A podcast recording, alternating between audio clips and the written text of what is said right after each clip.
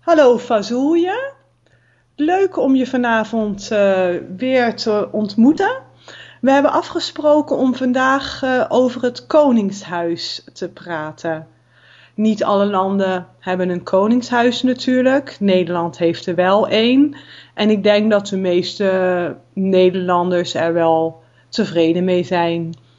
Als hoofd van het Koninghuis is er een mevrouw, koningin Beatrix. Ze is al jaren de koningin, sinds 1980.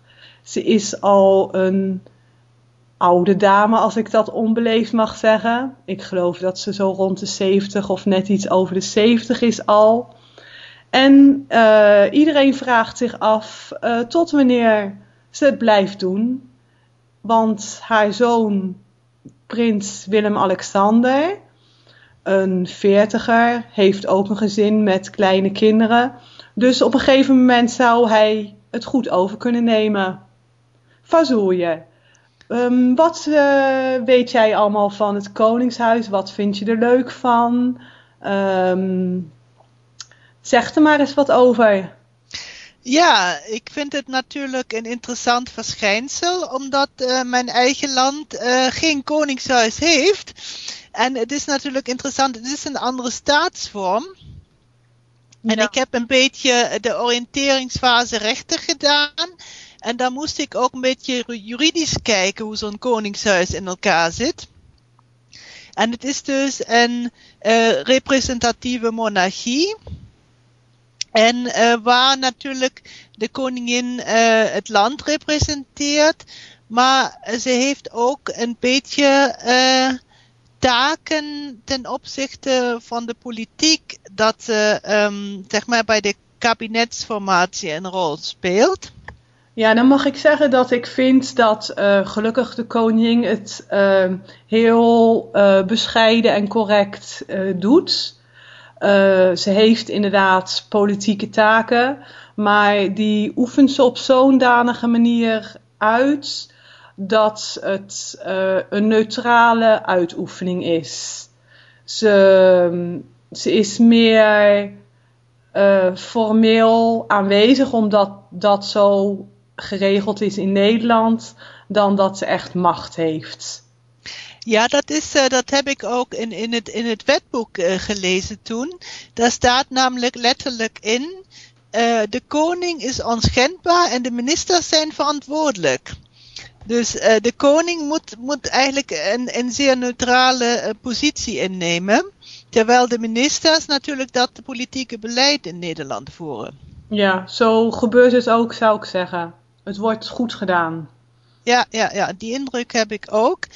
En um, verder ja, kunnen we misschien iets zeggen over Koninginnedag. Want uh, ja. dat Nederland een monarchie is dat is misschien traditioneel gesproken een aardig feit. Het is misschien leuk voor de mensen om een koningin te hebben.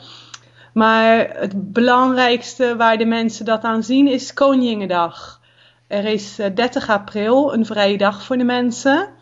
Ja. En uh, dat wordt uitbundig gevierd, Koninginnedag. Het is een groot feest in vele dorpen en steden met vrijmarkten. Het zijn een soort rommelmarkten waar iedereen zijn spulletjes mag verkopen. Mhm. Met uh, veel muziek, manifestaties en andere activiteiten die uh, leuk zijn voor de mensen om aan mee te doen. Is dat werkelijk zo dat op Koninginnedag uh, de meeste Nederlanders dan ook in het oranje zijn gekleed? Ja, ik denk dat de mensen dat heel uh, leuk vinden om als ze dan inderdaad uh, Koninginnedag gaan vieren, om ook er een beetje gek uit te zien. Ik zou niet zeker weten of inderdaad, ik denk dat heel veel mensen niks specifieks aandoen. Vooral de oudere mensen die misschien denken van nou, laat die jonge lui maar gek doen. Maar ik denk dat veel mensen een gek oranje hoedje opzetten of tegenwoordig zijn er toch veel frutsels te koop. Uh, die mensen dan wel leuk vinden om even aan te trekken. Met voetballen hebben ze ook van die oranje attributen. Dus die kunnen ze dan op Koninginnedag ook nog wel even gebruiken. Ja, vooral uh, de pruiken die zijn me opgevallen in Nederland. Oranje pruiken. Ja, ik denk dat het de laatste jaren steeds uh, gekker is geworden. Want toen ik op de kleuterschool zat en op de lagere school, dan kwam je niet veel verder dan een vlaggetje. En tegenwoordig is er veel meer te koop. Het is ook zo op Koninginnedag dat dan de koninklijke familie uh, naar één uh, provincie reist in Nederland. Elk jaar is dat een andere provincie. Dus ze doen actief aan Koninginnedag mee. Ja, dat is leuk dat ze altijd actief aan Koninginnedag meedoen. Eén ehm, gemeente wordt dan uitgekozen, of soms zijn het er twee, uh, die de koninklijke familie gaat ontvangen. En die organiseren dan uh, wat spelen en activiteiten voor de koninklijke familie. En natuurlijk komt daar dan een heel groot publiek op af, want die willen allemaal de koningin met haar familie zien. Dus uh, dat is een leuke traditie. Een paar jaar geleden was het even een beetje in gevaar gebracht, want toen was er een gek in een auto ergens door een barrière gereden uh, op de bus van de koningin af. Gelukkig uh, viel uiteindelijk de schade, geloof ik, mee. Ik, ik, geloof niet. Ik weet niet precies of er een dode is gevallen, maar wel een aantal gewonden. Maar de jaren erop um, is Koninginnedag toch weer gewoon doorgegaan met de familie. Hm. Dus dat is leuk dat ze dat ondanks één keer uh, een gevaarlijke actie toch mee door zijn gegaan.